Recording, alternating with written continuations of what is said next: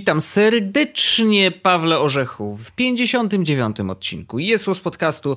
Y, jest y, wyjątkowo wtorek, 28 kwietnia. Nagrywamy o godzinie 22.41. Te wszystkie szczegóły są nieistotne, bo istotny jest jeden.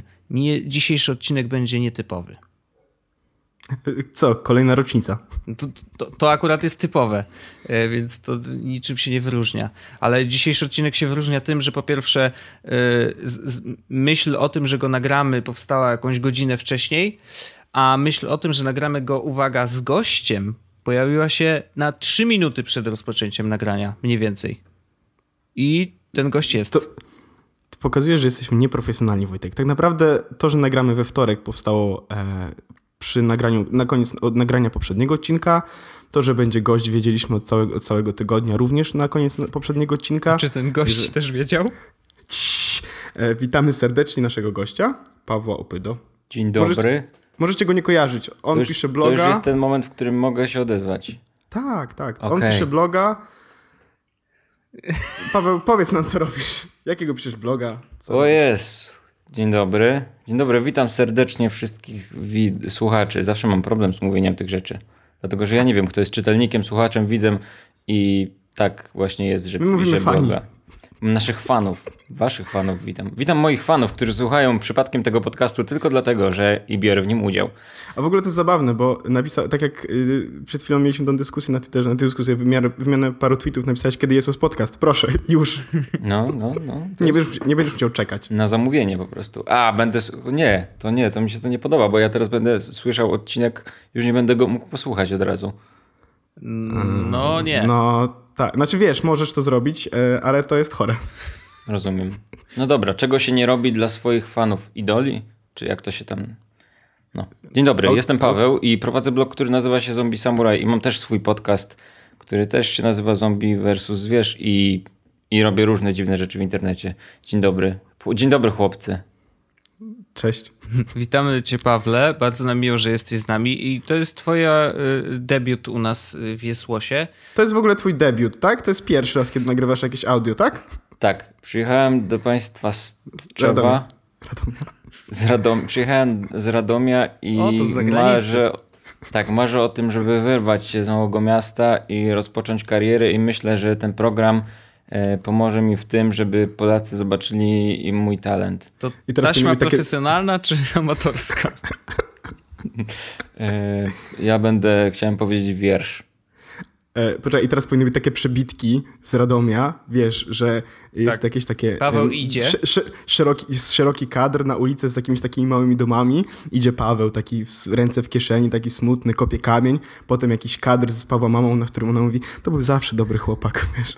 Sąsiad, sąsiadka mówi... Widzę że, widzę, że wiesz o, o jakich programach mówimy.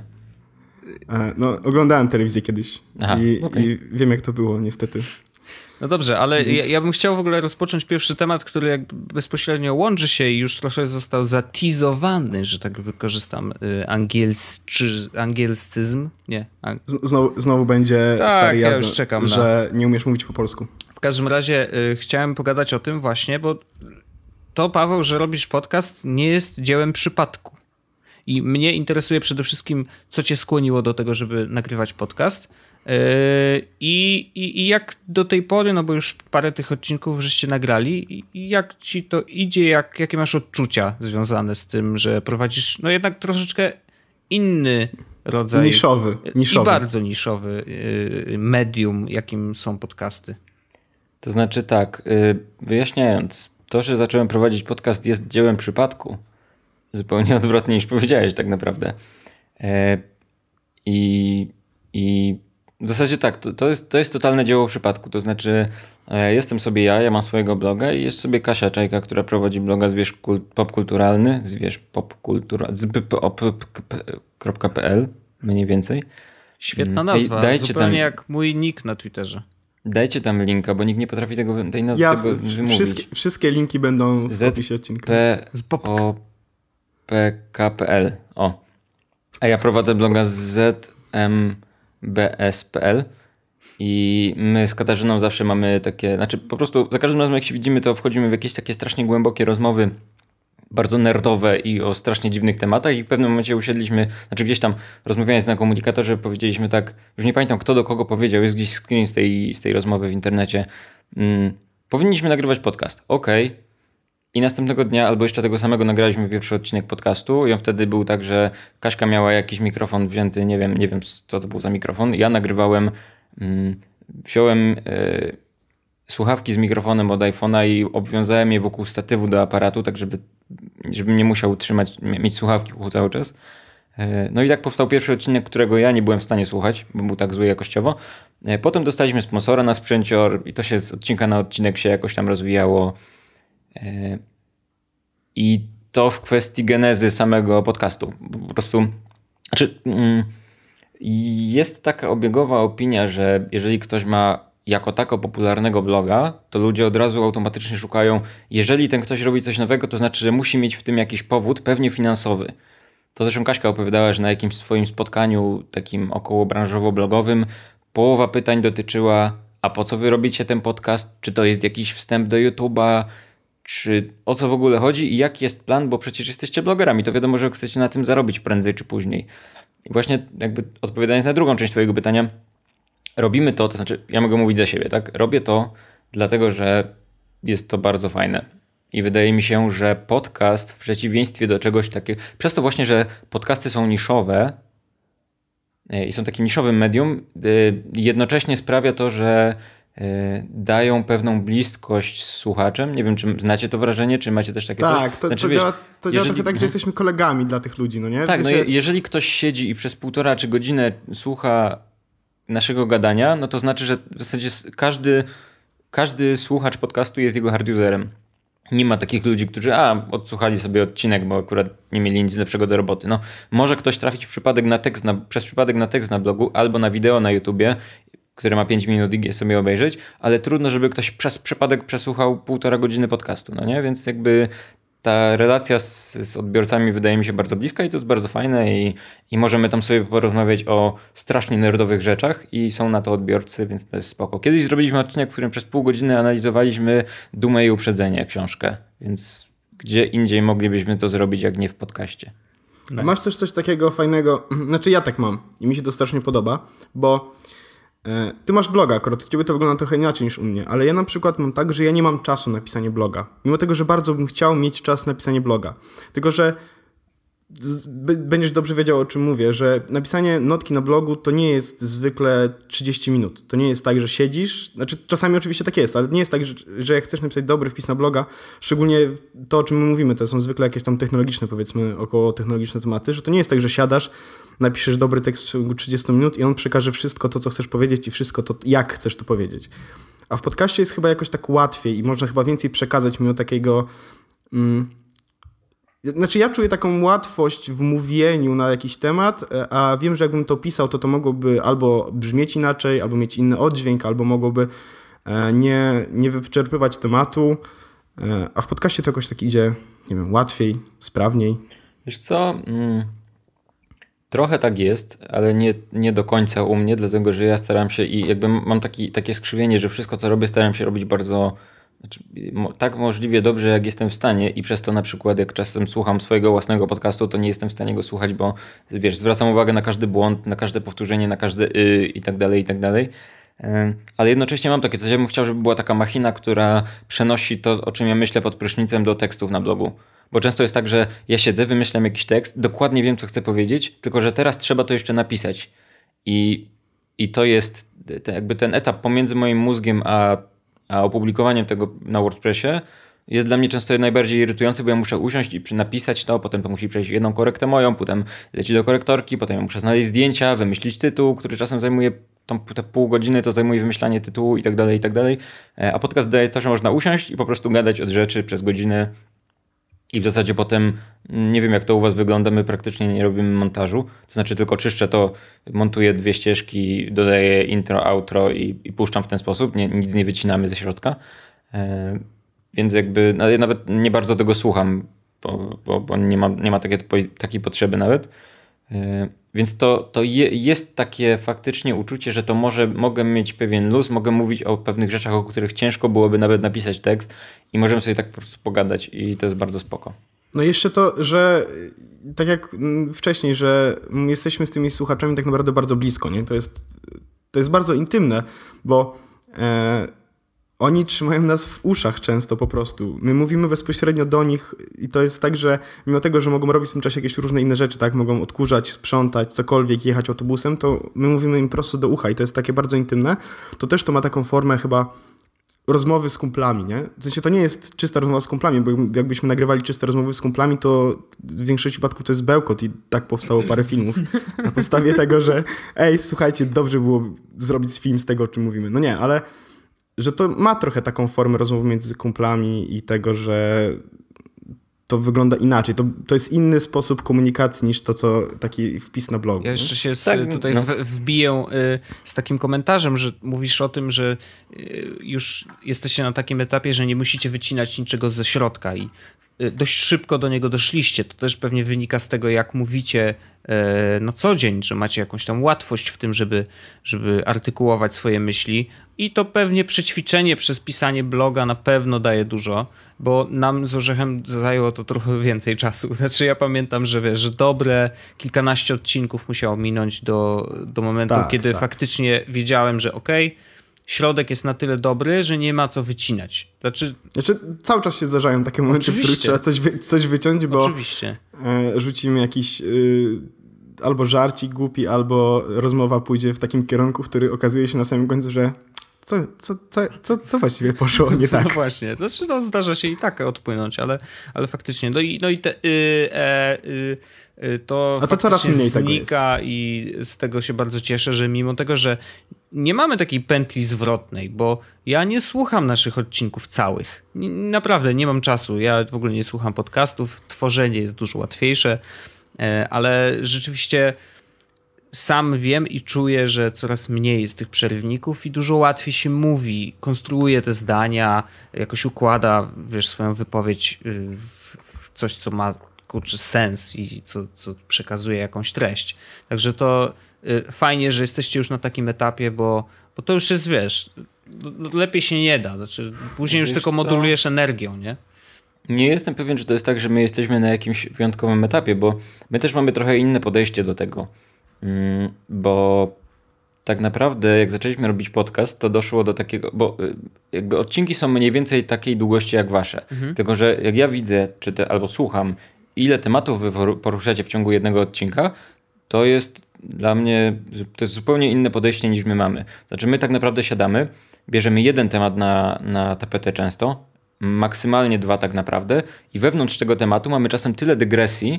Słuchaj, e, ostatnio było tak, że chcieliśmy poruszyć dwa tematy, ale ten pierwszy zajął nam tak długo, że drugi y, zostawiliśmy na kolejny odcinek. I to był jeden temat, ale od niego odchodziło tyle odnóg, że jakby w jego ramach, dlatego mamy w naszym... Mm, w naszym tagline mamy napisane, że to jest podcast pełen dygresji, bo po prostu już nawet my nie rozumiemy y, tego ciągu myślowego, przez który przechodzimy.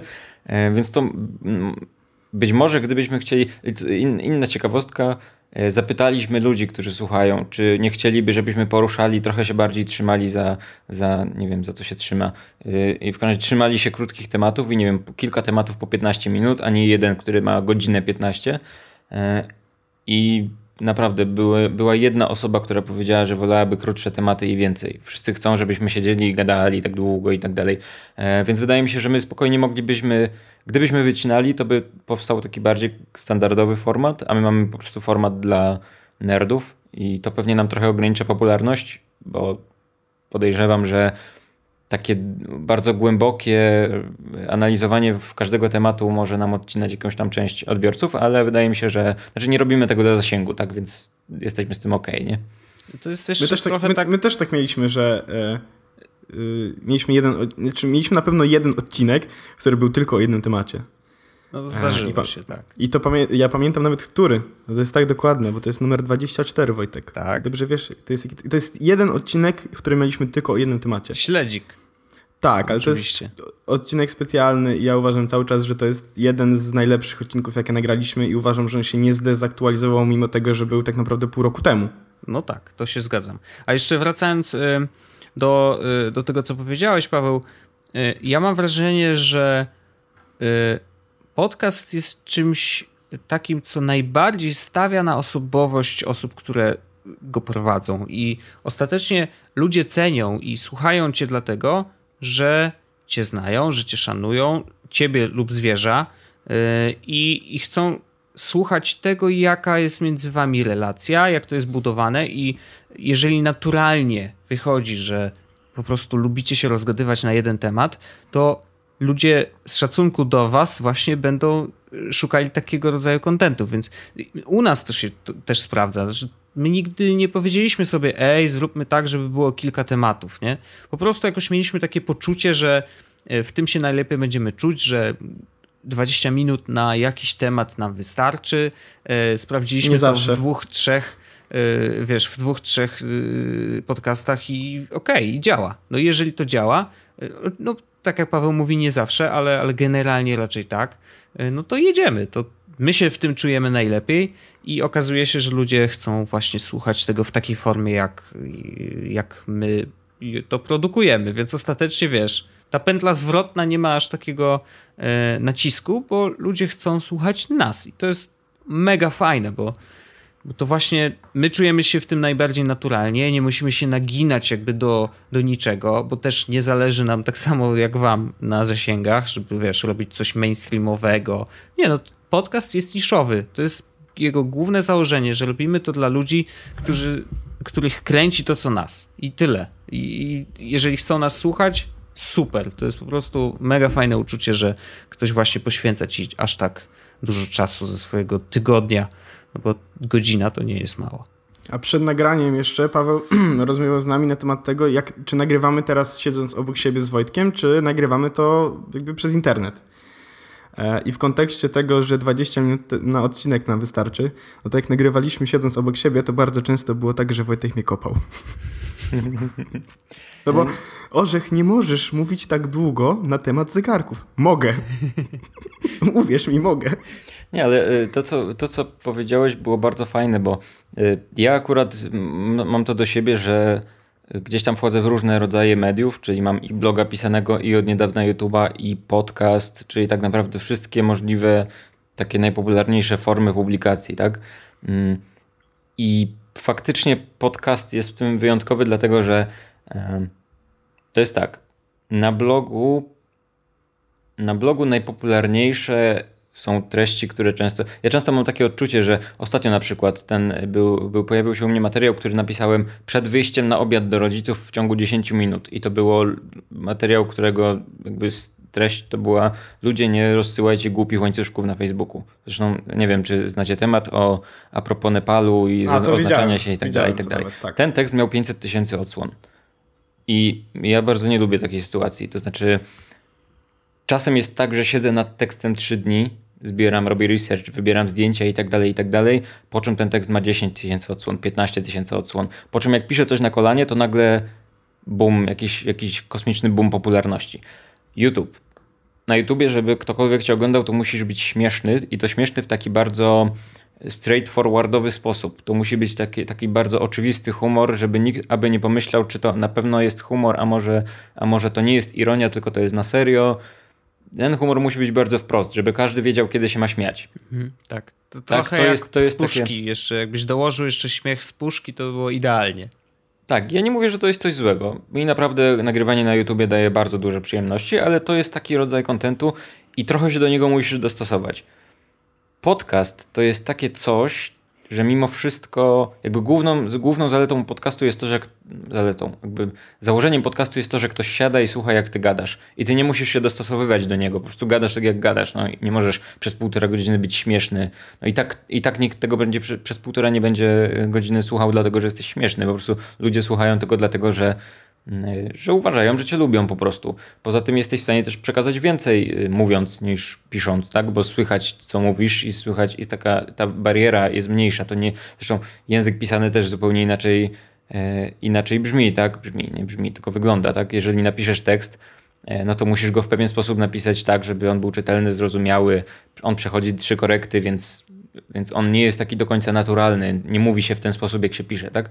Po czym nagle to, że w podcaście mówię i popełniam błędy językowe i tak dalej, i tak dalej, mówię, mówię potocznie powiedzmy, to jest, no bo, bo tak mówię, nie, nie, jest, nie, nie, jestem w stanie tego poprawić, po prostu tak mówię.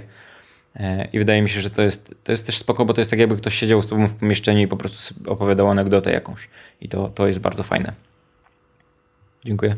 E, dziękujemy, pozdrawiamy.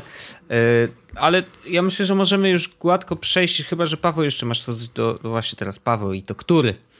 Orzech, orzech, jeżeli e, masz coś nie, do nie, dodania. Nie, nie, ja, ja, się, ja się bardzo zgadzam z Pawłem i ja dlatego nie potrafię pisać bloga. Właśnie dlatego, dlaczego mm, ja nie mam tego skilla aż takiego, żeby potrafić tak napisać tekst, jak chciałbym, żeby on brzmiał i wyglądał i nie potrafię tak układać słów Mm, żeby to było takie naturalne. Bo tweety mi, tweety mi się w miarę udają, tak? W 140 znakach daję sobie radę. Ale na e, napisanie czegoś takiego dłuższego, no, moja notka na temat jak notować wygląda jakby była napisana przez programistę, więc to myślę, że jest doskonałe wytłumaczenie, dlaczego nie przy bloga. Powiem wam e, jedną zupełnie ciekawostkę z innej beczki. Jak chcę napisać na blogu jakiś tekst, który będzie spontaniczny, niedługi i jakby wprost przekażę jakąś prostą myśl, nie jest tym takim, że siedzę przez, przez trzy dni, robię research, tylko napisać coś prostego, e, to odpalam Face'a i piszę ten tekst jako status na Facebooku, a potem go kopiuję i wklejam na bloga. Bo jak siadam do Facebooka, to odruchowo piszę bardziej naturalnie i nie przywiązuję wagi do języka i tak dalej, do szczegółów. Znaczy, go potem sprawdzam jeszcze raz i on potem przychodzi korektę. Ale to jest tak, że jak siadam do WordPressa, to automatycznie mi się włącza tryb takiego ładnego pisania. Od razu zwracam mocno. uwagę, tak, od razu zwracam uwagę na powtórzenia, na coś tam. Po czym jak siadam na Face'a, to po prostu piszę, bo, bo nie przywiązuję aż tak wagi do tego, więc z reguły jest tak, że siadam na Face'a, odpalam, piszę, piszę, piszę, Potem kopiuję 3000 znaków, przeklejam do WordPressa i tam zaczynam robić korektę, potem wysyłam do Uli i tak dalej, i tak dalej. Więc wow. Więc bardzo dziwne to jest i sam, sam się dziwię, dlaczego tak to działa u mnie. Bo na ale... Facebooku masz założenie, że piszesz dla znajomych w jakiś sposób, nie? Tak, znaczy to, to jest jakby zrozumiałe, ale ja jestem tego świadom, a jednocześnie wiem, że jakby wiem, że to działa i to i wykorzystuję to i da, to dalej działa, nie? No Więc no tak, tak, trochę sam własny mózg oszukuję w ten sposób. To jest śmieszne. Mi się zdarzyło tam ze dwa razy y, zacząć pisać coś na fejsie, ale y, jak wiesz, wchodziłem w ósmy akapit, to stwierdziłem, e, to może jednak to wrzucę na bloga, nie? I to blog blog mój, który jest update'owany raz na pół roku mniej więcej, właśnie jest takim miejscem, gdzie okej, okay, no już na Face'a to jest zdecydowanie za długie i tak mało kto to zobaczy, to wrzucę to na, e, na bloga i dam linka i może, może wiesz, może ktoś się zainteresuje, ale generalnie tak, zdarzyło mi się, ale to nie, nie w tą stronę. Znaczy ten mechanizm psychologiczny u mnie aż tak nie działa, ale bardzo, bardzo ciekawe spostrzeżenie. Ciekawy jestem, czy inni ludzie też tak mają. Ja tak miałem. Raz. Ale ja napisałem jedną notkę w, na bloga, więc... nie liczysz się, Orzech. No dobrze. Wiem, nie jestem blogerem, ale... ale... Ja chciałem za zajawić już drugi temat, bo y, to, to, że Pawle jesteś tu z nami, to, y, to też nie jest przypadek, bo w zeszłym odcinku mówiłeś też, że poruszamy bardzo dużo tematów generalnie w odcinkach w porównaniu z waszym y, podcastem. I w zeszłym odcinku poruszyliśmy temat Apple Watcha i zakończył się na tym, że tak pojawił się na rynku i ktoś go ma. I to było wszystko, co powiedzieliśmy. E, a dzisiaj chcielibyśmy trochę rozszerzyć tą myśl, bo e, tym kimś, kto ma, jesteś też ty. Tak, tak. A jestem ja... od dziś rano jestem posiadaczem. Z ciekawości, bo mówiłeś, że sprowadzałeś go z germańskiego Apple mhm. Store'a i zrobiłeś to w jakiś sposób taki E, sprytny, czy po prostu ktoś ci go kupił i przywiózł? E, jest taki serwis, który nazywa się mailbox.com A, okej, okay, dobra, i dobra. przez nich sprowadzałem. Okay. I bardzo sobie chwalę. Zajęło, godzinę zajęło im odebranie mojej paczki od Apple, spakowanie jej z powrotem i wysłanie do mnie. No i ona przyszła, to akurat był weekend, przyszła dzisiaj, e, czyli powiedzmy w standardowym czasie. Gdyby nie to, że był weekend, to bym ją dostał po dwóch dniach po prostu.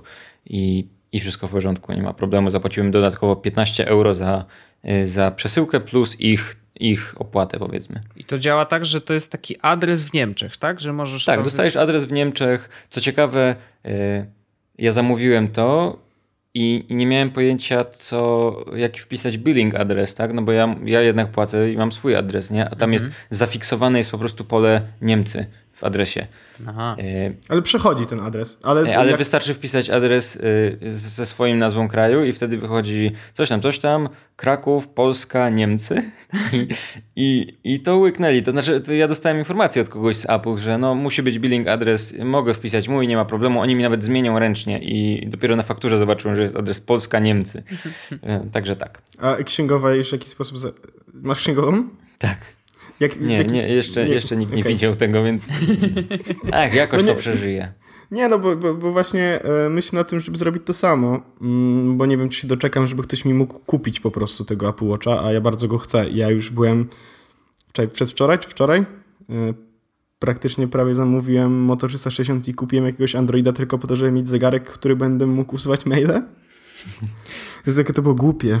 No, no cóż, dobrze, Paweł, ale to masz go od rana i y, jak mhm. wiesz, na standardy jesłosowe to jest zdecydowanie y, wystarczająco, nie, wystarczająco dużo czasu, żeby powiedzieć o tym yy, na cały temat odcinka, więc opowiedz nam o jak Apple Watchu. Jak najbardziej. Wiesz co, ja, ja bardzo intensywnie go testuję od rana.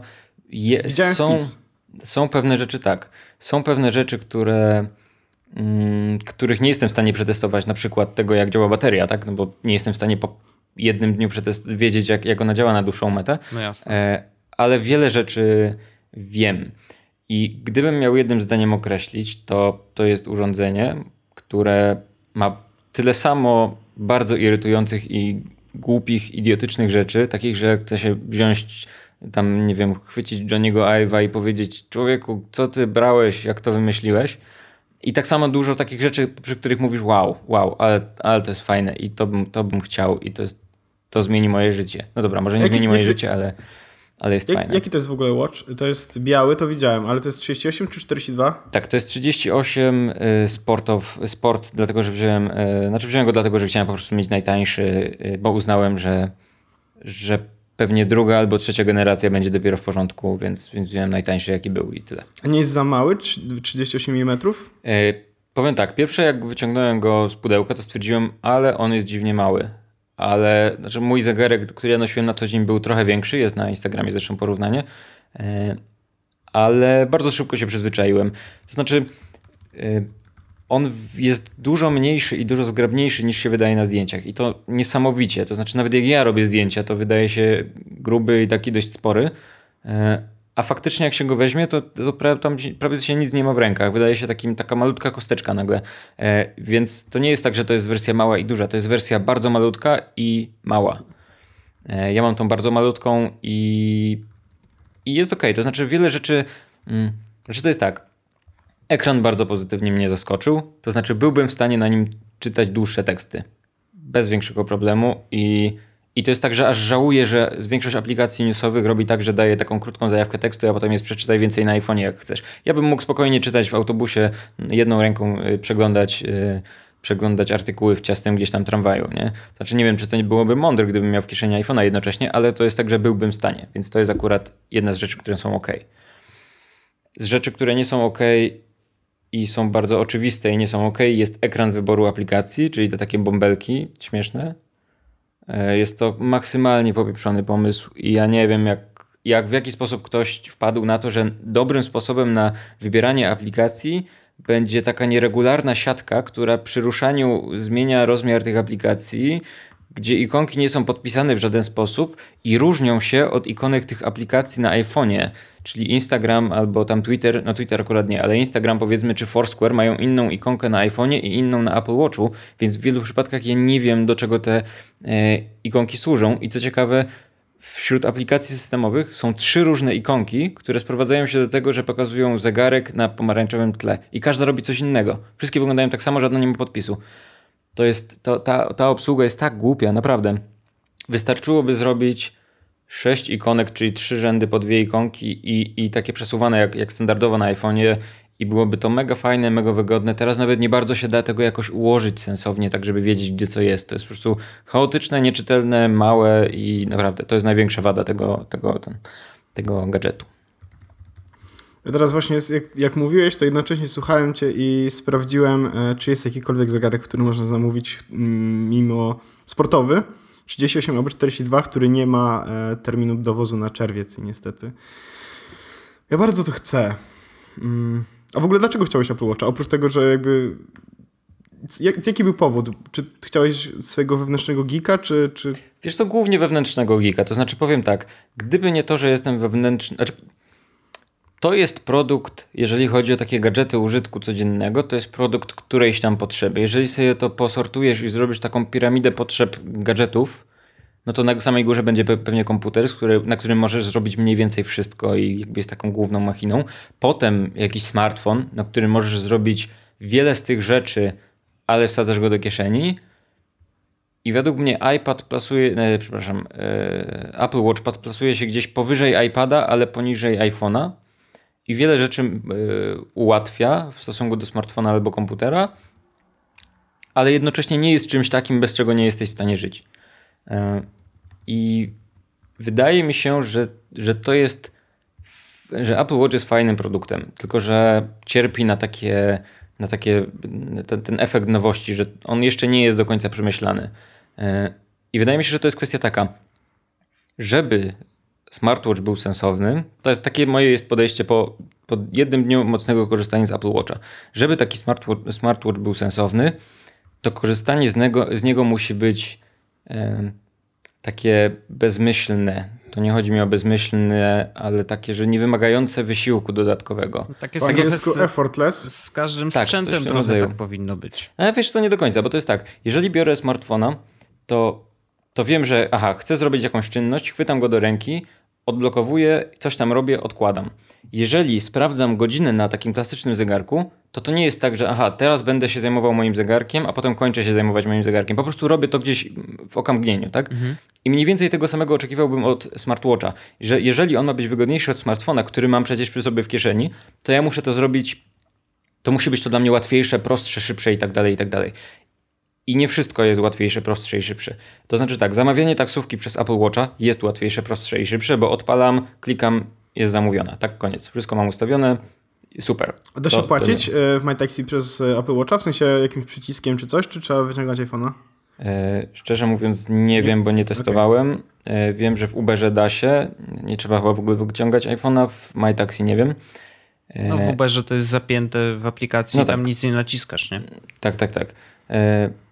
I są takie rzeczy, niech go odblokuję i zobaczę. Są takie rzeczy, które które są naprawdę, naprawdę fajne, jeżeli chodzi o niego. W ogóle odbieranie powiadomień jest super i to jest to jest, to mnie bardzo cieszy, bo ja jestem z tych, którzy mają ADHD powiadomieniowe, ja muszę sprawdzić każde powiadomienie, które do mnie przychodzi, mam wyłączone te, które nie są i które, które jakby nie są dla mnie istotne, więc tak naprawdę wszystko do, do mnie przychodzi jest dla mnie w jakiś sposób istotne i teraz jest tak, że wystarczy, że spojrzę na nadgarstek i to jest to, o czym mówię właśnie, wystarczy, że spojrzę na nadgarstek, nie przerywam czegoś, co robię w danym momencie, tak? Siedzę sobie przy konsoli, nie muszę pauzować konsoli, wyciągać smartfona, odblokowywać, patrzeć co się dzieje, odkładać, wracać do tego co robię, tylko robię to jakby płynnie, tak? Z tym co robię w życiu jednocześnie w tym momencie. E, ale niektóre rzeczy takie nie są. Niektóre rzeczy po prostu są mniej wygodnymi, wygodnymi, wolnymi wersjami aplikacji ze smartfona i równie dobrze mógłbym wyciągnąć smartfona i zrobić to samo i tak naprawdę nie jest to dużo bardziej wygodne. Ja właśnie słyszałem dużo o tych aplikacjach E, które się w tej chwili pojawiają. mówimy oczywiście nie o oficjalnych, znaczy oficjalnych, ale third party, czyli nie Apple'owych. czyli trzecia impreza. No? Trze imprezowych, e, że faktycznie no, nie jest za dobrze generalnie. Znaczy Uber ok, jakoś tam działa, ale podobno Twitter nie wygląda za dobrze. E, I, I tutaj mam wrażenie, że chyba jeszcze deweloperzy muszą się dużo, dużo nauczyć. Mimo tego, że mieli bardzo dużo czasu. To znaczy tak, y, mieli dużo czasu, ale też nie mieli urządzeń z tego co wiem, tak? Że większość tych aplikacji powstawała na jakichś nie, symulatorach. Emulatora, na no. emulatorze, no. tak. Mhm. Y, I to widać. To znaczy widać, że nikt nie wziął tego praktycznie i nie zastanowił się jak, może nie nie zastanowił się, ale nie miał okazji sprawdzić jak to działa w praktyce. Przy wielu z tych aplikacjach tak to działa. Tak jak mówisz przy Twitterze, przy tak naprawdę większość aplikacji tych, tych trzecich to jest tak, że coś, czegoś im brakuje. I to jest takie coś, że ja siadam i no kurczę, coś, coś tu jest nie tak. Tak na przykład nie, fajnie, że jest Yelp, ale ja bym chciał, żeby na przykład w Yelpie nie ma nawet sortowania według odległości, według ceny, nie ma, nie ma żadnego sortowania, więc tak naprawdę to jest tak, że Yelp pokazuje mi jakąś trudną do określenia, na czym polega, polega listę najbliższych knajp i nie bardzo wiem, co mogę z tym zrobić. To, to mm, jest takie wrażenie, że, ta, że te rzeczy były pisane na ślepo. Sporo z nich działa tak sobie, albo nie działa w ogóle. I, I, mam takie właśnie wrażenie, że to tak jakby pisać, pisać wiesz, aplikację na e, iPhone'a, nie widząc nigdy smartfona na żywo i po prostu, wiesz, na ślepo. Wyobrażasz sobie, jak to powinno działać. Arment trochę tak dzisiaj napisał, że... E, bo Arment wypuścił Overcasta na Apple Watcha w momencie, w którym wyszedł Apple Watch. I dzisiaj albo wczoraj napisał wiadomość na Twitterze, że no, będzie aktualizacja Overcasta z interfejsem dla Apple Watcha, bo będzie wszystko zmienione. Tak, ale to, to jest takie rzeczy, na przykład ja niedawno trafiłem w sieci na taki artykuł e, o tym, że podpisy są lepsze niż ikony. To znaczy, że ilość, że... że Ach mm, tak, tak, to chyba też czytałem nawet. Tak, że, że jakby moda na minimalistyczny design sprawił, że wszędzie się wstawia ikony, a one niekoniecznie są, e, są czytelne. I to jest duży problem e, Apple Watcha bo po pierwsze cały interfejs sprowadza się do ikon. Tak jak mówiłem, nawet na ekranie głównym nie ma nazw aplikacji, są ikony i trzeba wiedzieć do czego te ikony są powiązane, a ikony nie często, często nie wyglądają tak samo jak na iPhone'ie, więc nawet jak się pamięta aplikację z iPhone'a, to nie, nie wiadomo co to jest na, w wersji watchowej. Po drugie jest często tak, że odpalasz aplikację i widzisz tylko i wyłącznie ikony. Moim ulubionym przykładem jest w tym momencie yy, Wunderlist, który na starcie pokazuje cztery ikonki, z których jedna to jest gwiazdka, więc rozumiem, że to są jakieś oznaczone gwiazdką moje, moje rzeczy z mojej listy. Druga to jest coś, co wygląda jak mały telewizorek wyświetlający napisy. Trzecia to jest kalendarzyk, to może rzeczy na dziś. I czwarty to jest ludzik ze strzałką, która jest skierowana do jego ucha. I ja muszę się domyślić, o co w tym chodzi. Nie mam dla tego pojęcia. Jest bardzo dużo takich miejsc, gdzie masz, są jakieś ikonki, one nie są w żaden sposób rozsądnie podpisane. Yy, i tak naprawdę nie bardzo wiadomo, co z tym zrobić. Jest też dużo takich rzeczy, że na przykład Apple Watch ma aplikację opcję, taką standardową jak w iPhone'ie, ale ma też, masz też na iPhone'ie aplikację, gdzie ustawiasz e, Apple Watcha. Mhm. I nie wszystko jesteś w stanie zrobić na samym zegarku. Czyli de facto ja w ogóle nie wchodzę do tej aplikacji opcje na Apple Watchu, bo nie wiem, czy to, co chcę w tej chwili ustawić, znajdę tam. Więc wolę sobie odpalić od razu na iPhone'ie i sobie tam poustawiać, gdzie mogę zrobić wszystko, niż, e, niż, na, niż na Apple Watchu. E, albo to, że są aplikacje, oczywiście standardowe jak, jak to u Apple, są aplikacje, które są, e, które są systemowe i nie da się ich pozbyć. Tylko, że na iPhone jesteś w stanie wrzucić do wszystkie te, z których nie korzystasz, do jednego foldera, który się nazywa inne i przeciągnąć go na ostatni ekran i nigdy tam nie zaglądać. Na Apple Watchu nie masz po pierwsze folderów, a po drugie te aplikacje jakby relatywnie dużo miejsca zajmują, te, te plamki na tym, na tym całym e, e, gridzie, czy jakkolwiek to nazwiesz. Nie ma tam kolejnej strony, na której to możesz wrzucić, jakiejś ostatniej strony. One wszystkie są jakby równoznaczne, więc w tym momencie jest tak, że na moim ekranie głównym jakaś, jakaś jedna czwarta ikonek to są rzeczy zupełnie nieprzydatne dla mnie, których nigdy nie nacisnę. E, mail na przykład, który po kliknięciu wyświetla nie masz skonfigurowanych kont mailowych, bo korzystam z mailboxa. No e, tak.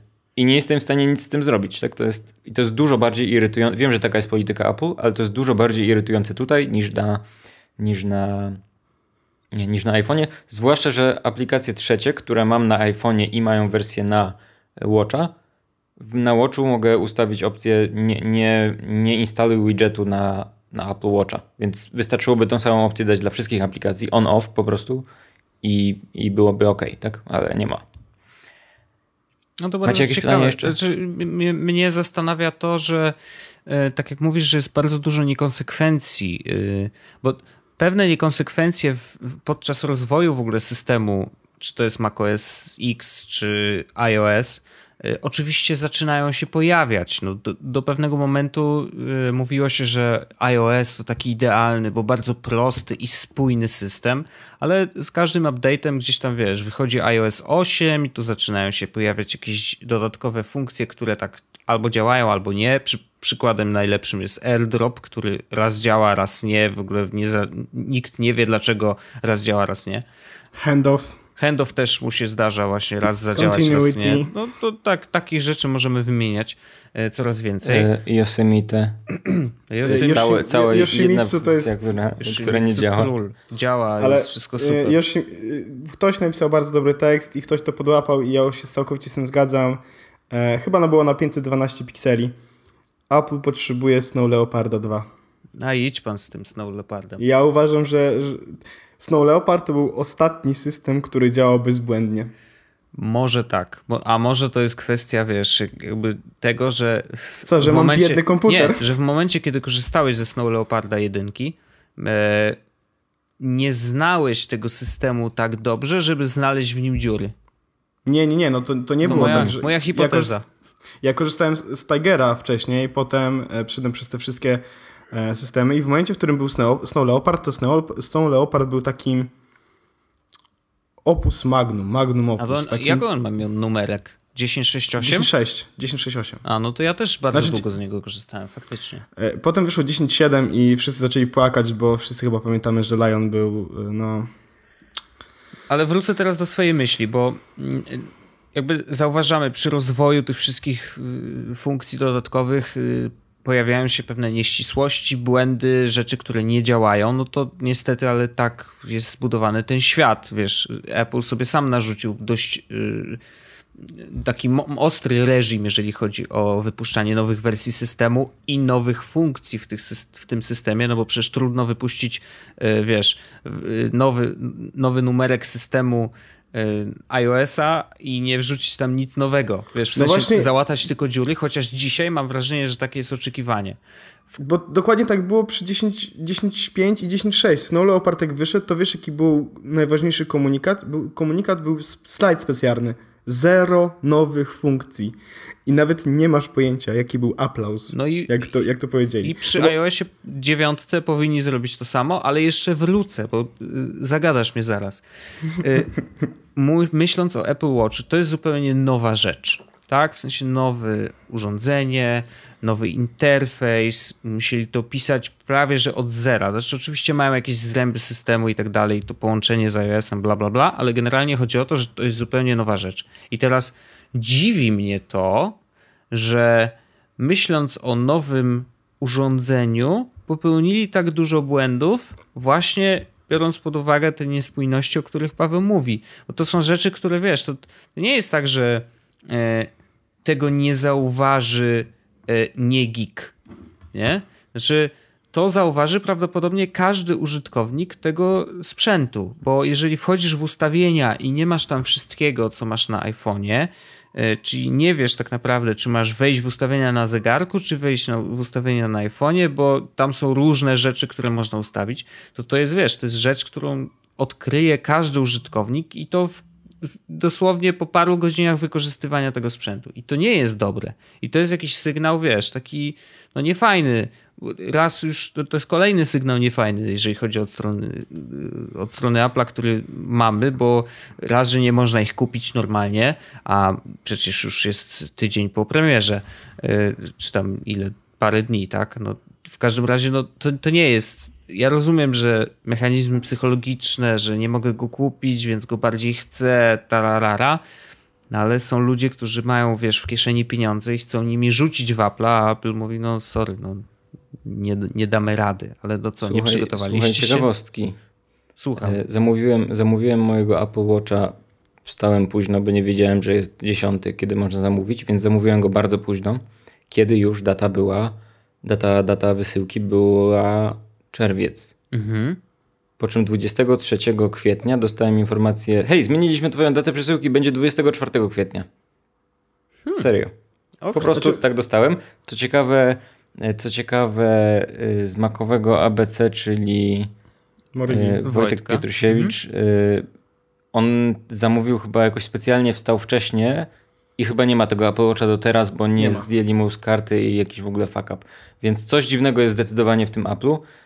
A mówiąc jeszcze a propos tego, o czym mówiłeś, mm, spodziewałbym się, że bo to jest tak, mam wrażenie, że to, to z czym mam, bo ja w ogóle yy, opowiadając historię mojego życia, jestem użytkownikiem iPhone'a od iPhone'a 1 i od, e, od jest, jak widać, jestem early adopterem, patrząc również na Apple Watcha i miałem iPhone'a pierwszego z systemem pierwszym, który był e, i mam wrażenie, o ile można powiedzieć, że pierwszy iPhone był wejściem na zupełnie nowy rynek urządzeń dotykowych i tak naprawdę kompletnie nowym systemem, gdzie nie było tego typu urządzeń dotykowych wcześniej na rynku tak naprawdę, mhm.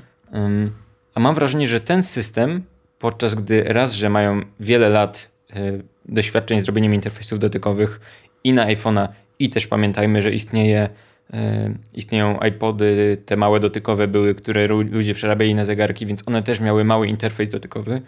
E, I istnieje rynek smartwatchy, więc jest konkurencja. To nie jest tak, że oni robią coś zupełnie, zupełnie nowego, czego nikt inny wcześniej nie próbował. Mhm.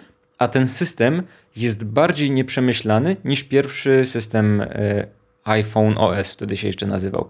Jest naprawdę, jest wiele takich miejsc, w których, w których się patrzy tak i myślę, że to, to jest tak oczywiste, żeby, że to jest zły pomysł, że nie mam pojęcia, jak ktoś na to wpadł. Yy, yy, ogłoszenie moja kotka maruje, więc jeżeli słychać miauczenie raz na jakiś czas gdzieś w tle, to pozdrowienia są od niej. U mnie nie będzie słychać pralki. Tym razem nie będzie słychać u mnie pralki. No, ale może być ruja. Bardzo spoko. Y, koty, które mają ruje y, są zabawne. I bardzo głośno miałczą. Znam to, y, więc... Bo jest bardzo się, jest to zabawne, zwłaszcza jak jest czwarta nad ranem. Tak, to wtedy jest najśmieszniejsze. To wtedy to, to mniej więcej jest ten sam poziom zabawności, co włączenie sobie telewizji na wieczór z kabaretami. Ok. No. Y, no dobrze, ale to orzech to nadal chcesz? Apple Watcha? No. Tak, bo jestem crazy. E, wiecie co, bo, bo, bo to też jest tak, ja narzekam, narzekam, narzekam. E, ale z drugiej strony, jakby druga półkula mojego mózgu ma, tak, ma, ma takie, e, już po tych paru godzinach bardzo się przywiązałem do tego urządzenia bardziej niż do jakiegoś smartfona czy czegoś takiego. I bardziej, mimo jego wszystkich niedoskonałości, to bardziej czuję, że to on jest mój, bo on jest do mnie przyczepiony Mhm. I to, to jest e, wręcz creepy, takie się wydaje, bo to jest i, i, to jest faktyczne, co oni to mówią. I to jest też tak, ja testowałem wcześniej inne smartwatche, ale to nie były nigdy moje smartwatche, tak? Bo ja nie jestem użytkownikiem Androida, to było, ja po prostu sprawdzałem, jak one działają, tak? Ale to był czyjś smartwatch, miałem go na chwilę do testu gdzieś tam z redakcji, jak jeszcze pracowałem w Interi, yy, gdzieś tam się bawiłem u chłopaków i tego typu rzeczy. Yy. To jest mój smartwatch teraz. I to, co akurat mówią o tym, że to jest najbardziej osobiste urządzenie, jakie kiedykolwiek wypuścili, to jest prawda.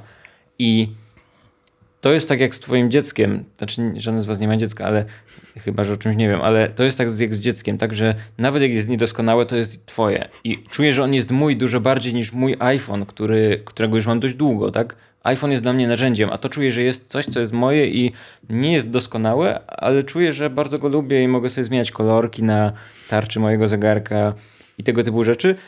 Dlatego to ja bym go teraz nie oddał w tym momencie i stwierdził, a, znaczy, gdyby ktoś chciał kupić, to powiedziałbym, o ile nie jesteś, jeżeli jesteś takim, takim nerdem, który chce to, to przetestować, to nie liczysz się z moim zdaniem, bo, bo wiesz, że to chcesz kupić. Jak to nie jest tak, że jak jesteś nerdem, to nie pytasz, czy warto kupić, po prostu kupujesz, tak, bo jesteś nerdem. No. A jeżeli ktoś jest racjonalnym użytkownikiem, to powiedziałbym mu, poczekaj przynajmniej do jakiegoś dużego update'u oprogramowania, tam nie wiem, Watch OS 1.1, 1.5, no nie wiem, jakiś duży update, który poprawi te wszystkie podstawowe błędy. Poczekaj, aż deweloperzy się nauczą, jak to wszystko działa i jak robić aplikacje na to wszystko, a nie po prostu jakie funkcje możemy zamknąć w małym ekranie, to wtedy to, to kup. A być może nawet poczekaj do drugiej generacji, bo nie wiem, jak będzie wyglądać rozwój oprogramowania. Ale to jest tak, że ja mam takie w serduszku, że liczę na to, że oni się dość szybko ogarną, i że zaczną to oprogramowanie poprawiać. Bo jak sobie zobaczycie, jak wyglądał iPhone OS pierwszy, gdzie nie dało się zmienić kolejności ikonek. Nie było kopii w klej, pozdrawiam. Nie było masy różnych rzeczy. E, to myślę, że wymaga to cierpliwości, ale że oni to będą poprawiać. Trochę szkoda, bo mam wrażenie, że, że, że ten system nie jest porządnie przetestowany po prostu. Słuchajcie, taka oczywista rzecz. Wiecie, jak wygląda instalowanie aplikacji na Apple Watchu? No i... To są wszystko jakby widgety do aplikacji, tak. które masz na iPhone'ie. Nie możesz mieć aplikacji tylko na Apple Watchu. Mhm. I co się w tym momencie stanie, jeżeli skasujesz z iPhone'a aplikację, którą masz zainstalowaną na Apple Watchu? A to ja właśnie przeczytałem u ciebie, więc, więc już wiem. Spoiler. No to dobra, Wojtek, co, co się stanie wtedy? Y, no, y, wiesz, moje, mój mózg podpowiada, że powinna ta aplikacja zniknąć też z Apple Watcha. Otóż nie. Aplikacja będzie dalej na Apple Watchu. Klikasz ją, i w tym momencie przez 30 sekund widzisz taką animację wczytywania, po czym aplikacja się kraszuje i znika. O, ale znika. Ale znika, ale musisz ją najpierw odpalić i potem ją ten. Poczekać i 30 sekund. Ewentualnie możesz odpalić aplikację, tą asystenta, która się nazywa po prostu Apple Watch chyba na iPhone'ie. Mhm. i wtedy aplikacja asystenta się cała, cała skraszuje, przez chwilę się sfrizuje, po czym y, znaczy możesz jeszcze, ewentualnie jak zeskrolujesz szybko, to zdążysz zobaczyć, że ikonka tej aplikacji, którą skasowałeś jest, tak, jest takim placeholder, placeholderem dla ikonki, wiecie, taka kwadracik z takim szkicem Biała w środku jakby. Szkicem. Tak, tak, tak. I w tym momencie się sfrizuje i po 10 sekundach lista się skróci, ona zniknie i wszystko wróci do normy. Ale on jakby nie ogarnia tego, że ty kasujesz tą aplikację. Podobnie takie rzeczy w rodzaju jeżeli nie jesteś zalogowany do swojego konta na Uberze na iPhone'ie, odpalasz aplikację na Apple Watchu, pro, czy tam, podałem Ubera, ale to nie dotyczy wszystkich aplikacji, tak? I ona mówi, musisz się zalogować, zaloguj się na swoim telefonie. Bierzesz telefon, logujesz się, wracasz do aplikacji, komunikat się nie zmienia. Nie ma tutaj e, kilowania aplikacji, nie ma ich zamykania, po prostu one są, istnieją sobie. Musisz zresetować zegarek, żeby ona załapała, że już jesteś zalogowany. Oj. Jest wiele takich błędów, które myślisz sobie, to co, nikt tego nie testował, nie było żadnych wewnętrznych testów, nikt tego nie sprawdził. Jest, takie wiele głupich błędów. A jakby drugą kategorią są rzeczy, które są według mnie po prostu nieprzemyślane. Na przykład, i to jest rzecz, która jest moim takim jednym z takich wymarzonych, nie wiem, e, wniosków racjonalizatorskich, które sobie wymyśliłem. Otóż, jeżeli weźmiesz swojego Apple Watcha, spojrzysz na niego i chcesz zobaczyć listę aplikacji, to musisz kliknąć Digital Crown, czyli czyli tak wiemy. Cyfrową koronkę. koronkę. Mhm. Musisz kliknąć przycisk. E, I teraz tak. Żeby kliknąć ten przycisk, to musisz chwycić e, Apple Watcha dwoma palcami, bo on nie da się go kliknąć z boku. To znaczy da się, ale się wtedy przesuwa cały zegarek razem z nadgarstkiem, więc trzeba po prostu chwycić go po bokach i ścisnąć, tak? No, żeby zrobić podparcie, wiadomo. Tak. E, i ja sobie myślę tak, kurczę, zrobili ten force touch, ten, to mocne naciśnięcie, które jest swoją drogą strasznym, to się nazywa chyba gimmick po angielsku, jest takie słowo. Mhm. To jest straszna taka bzdura po prostu i to jest tak mocno, czy można powiedzieć słowo dupa w waszym podcaście? Du tak, dupa. To jest dupa. bardzo z dupy, to jest bardzo z dupy pomysł, bo to jest dokładnie to samo, co przytrzymanie dłużej palca. Tak samo jak przesuwacie ikony na iPhone'ie. To jest dokładnie ten sam gest, co przytrzymanie dłużej palca, tylko tu dodatkowo wymaga mocnego naciśnięcia i to naciśnięcie jest na tyle mocne, że to jest niewygodne, bo po prostu musisz wcisnąć swój zegarek na tyle mocno, że sobie odkształcasz skórę, bo po prostu trzeba naprawdę mocno nacisnąć, a równie dobrze to mogło być zrobione przytrzymaj palec, żeby coś tam zrobić, bo to jest dokładnie tą samą rolę spełnia. A gestu przytrzymania yy, nie ma nie w ogóle? Ma. Nie ma, znaczy nie zauważyłem, żeby w jakiejkolwiek aplikacji był gest przytrzymania. Po prostu w większości hmm. przypadków to jest yy, to jest yy, jest na pewno gest przytrzymania do przesuwania ikon na ekranie głównym, tak samo jak na iPhone'ie, ale jest to bardzo głupie, bo ten ekran jest na tyle mały, że nie da się tego zrobić wygodnie. Lepiej to robić z poziomu ten. Ale wracając. I sobie myślę tak. Kurczę, fajnie byłoby, gdyby jakby alternatywą dla kliknięcia tego Digital Crowna był ten mocny nacisk, żeby on po prostu był takim taką wersją home batona, która nie wymaga dodatkowego przycisku. To byłoby idealne, dlatego że teraz jest tak, ten Force Touch nie jest w żaden sposób oznaczony i w niektórych aplikacjach działa, w innych nie. W jednej, na przykład odpaliłem sobie nawigację, że gdzieś tam chcę iść, chcę iść i pokazuje mi mapę, pyka mnie w nadgarstek, kiedy mam skręcić i tak dalej, jest to doskonałe. Po prostu nawigowanie takie chodzone na Apple Watch to jest fantastyczna rzecz. A faktycznie rozpoznaje lewo, prawo? Tak, ma różne gesty i to jest naprawdę super. W ogóle nawigacja, naprawdę, to jest, to jest must have i, i mega rzecz, naprawdę. E, ale w pewnym momencie sobie myślę, kurczę, ale jak wyłączyć? Czekajcie, zdejmę kota ze stołu. I myślę sobie, jak wyłączyć tę nawigację, jak cofnąć. Ja już, ja już nie chcę robić tej, ja chcę wrócić do mapy. No i tak myślę, klikam, cofam, wyłączam. Nie wiem, nie da się. Aha, trzeba zrobić force push, force touch, nacisnąć mocno i wtedy pojawia się opcja anuluj nawigację. Ale znowu w innej aplikacji, patrz, e, aplikacja zdjęcia, przeglądam zdjęcia, myślę, ale to jest jakieś stare zdjęcie, chcę je sobie skasować. No to może nacisnę mocniej i ten. Nie, nic się nie dzieje. Jest tylko taka animacja, że jak, jak, jak odbicie ten takie przy liście scrollującej się na iPhone'ie, czyli że e, nic nie możesz zrobić naciskając mhm. mocno w tym miejscu. Nie wiesz, w którym momencie możesz coś zrobić, a w którym to, to nie działa, tak? Gdyby zrobili tak, że Force, e, force Touch jest po prostu alternatywą dla przycisku Home, czyli tego kliknięcia tego Digital Crowna, to wszędzie by działało tak samo i byłoby dużo wygodniejsze niż chwytanie to, tego zegarka, bo to jest tak, tapię go, żeby go obudzić, po czym muszę kliknąć w innym miejscu i tak dalej. Inna zupełnie, zupełnie absurdalna sprawa. żeby wyjść z aplikacji do ekranu głównego, muszę nacisnąć ten przycisk trzy razy. Oh, wow. I to nie jest potrójne kliknięcie, muszę go nacisnąć trzy razy, bo pierwsze kliknięcie cofa do listy aplikacji tych bąbelków, drugie centruje ją na zegarku, trzecie wraca do zegarka. Hmm. Więc jest wiele takich rzeczy, które po prostu aż by było oczywiste. No wprowadźcie jakiś skrót. Niech dwukrotne tapnięcie tego zawsze wraca do zegarka. A ten lock button, który jest, który nie jest lock buttonem, tylko miejscem dla znajomych, to, to, to ma sens według ciebie, czy... Um, wiesz co? Nie wiem, czy... Znaczy, e, oprócz aplikacji standardowych na Apple Watchu jest takie, takie coś, że mo, e, widgety się umieszcza. Wystarczy scrollnąć do góry i może tam umieszczać takie szybko dostępne widgety w rodzaju tam e, bicie serca, pogoda, tak, tak, tak.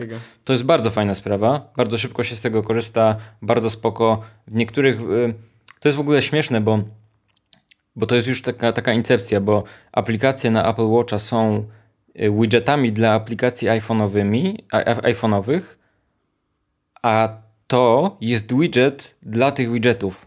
To znaczy, to nie jest tak, że tu się uruchamia aplikacja. Tu się uruchamia na przykład widget Shazam. I ten widget Shazam jest skrótem do uruchomienia Shazam na Apple Watchu, która jest inną aplikacją, która to aplikacja korzysta z Shazam na iPhone'ie, czyli to jest już trzeci poziom aplikacji korzystającej z aplikacji. To jest abstrakcja. Mm, ale wracając, gdyby tam umieścili te, te szybkie kontakty, to byłoby to dużo wygodniejsze, a ten, dla tego przycisku znalazłbym dużo więcej ciekawszych rozwiązań niż zrobienie szybkich kontaktów. Ale inna sprawa jest taka, że kontaktowanie się działa super, to jest w ogóle ciekawe. Dyktowanie wiadomości, odbieranie SMS-ów tak tak dalej, naprawdę fajna sprawa i, i to jestem zaskoczony, jak to fajnie działa. Dobrze, że wspomniałeś o Force Touchu, bo wiesz, przecieki i y, różne różni ludzie piszą o tym, że Force Touch prawdopodobnie pojawi się w nowym iPhone'ie, w tym 6S, y, który ma się pojawić na jesieni. Y, ja zresztą ostrzę sobie zęby na niego i prawdopodobnie po prostu go kupię. I tak sobie myślę, ok, bo Force Touch w touchpadzie, który jest w MacBooku Pro nowym, no, robi niesamowite wrażenie. Znaczy, na zasadzie to nie jest coś, oczywiście funkcjonalnie też jest super, bo chociażby kliknięcie linka mocniej pojawia się wtedy podgląd, to, to można w, wrzucić do swojego workflowu bardzo łatwo i faktycznie wykorzystywać i, i jeszcze szybciej pracować na niektórych rzeczach i w niektórych sytuacjach. Natomiast y, no i, no i samo to odczucie, że faktycznie on wibruje, a nie się wciska, no jest niewiarygodne. E, ale tak jak mówisz, że na zegarku to po pierwsze jest niespójne, bo nie wiadomo co się dzieje i w której aplikacji można z niego skorzystać, to zastanawiam się, co będzie w iPhone'ie, jeżeli faktycznie ten Force się pojawi. E, czy, czy w ogóle on w iPhone'ie jest potrzebny, bo jeżeli mamy długie przyciśnięcie i ono działa tak samo, to co Force Touch może nam dać? E, poza szybszym przewijaniem wideo na przykład do przodu i do tyłu, nie? Wiesz co, ja, ma, ja mam takie wrażenie, że Force Touch to jest nowa, nowa wersja tego pomysłu, że jak potrząśniesz telefonem, to cofniesz coś tam. Okej, okay, czyli... Znaczy to brzmi bardzo spoko, jak się komuś o tym opowiada. Patrz, wystarczy, że potrząśniesz telefonem, ale to y, jakby wykonywanie tego jest bardzo głupie. Wyobraź sobie, jedziesz autobusem i nagle o, skasowa... Ja czasem tak mam, bo tak, to jest cofanie ostatniej rzeczy w mailboxie. Mhm. Tak, o Boże, o Boże. I jadę autobusem i nagle muszę potrząsnąć telefonem. To po prostu, po prostu kretyńskie. I tak samo kretyńskie jest, jest Forstage na Apple Watchu, bo on naprawdę wymaga dość mocnego naciśnięcia i to jest tak, że siedzisz nagle wciskasz swój, yy, yy, swój zegarek tak jakby to, yy, myślę, że z boku to tak wygląda jakbyś nagle stwierdził no naciśnij, że się, tak jakby ci przestał ekran działać, to mniej więcej jest, tak, tak to wygląda. Mhm. Jest naprawdę ani nie jest wygodne, ani nie jest fajne, nie wiem... I, I to samo można by zrobić dłuższym przyciśnięciem, po prostu. Wyświetlenie jakiegoś menu przy dłuższym przyciśnięciu było, jest czymś, co działało przez ile generacji iPhone'ów było? Bardzo dużo. Mhm. Dużo generacji iPhone'ów działało. I teraz nagle się okazuje, że nie. Dłuższe naciśnięcie jest B. Teraz trzeba nacisnąć nie tylko długo, ale jeszcze mocno.